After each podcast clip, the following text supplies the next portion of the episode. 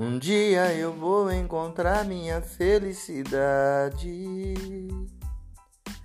Eu já perdoei as maldades que você me fez.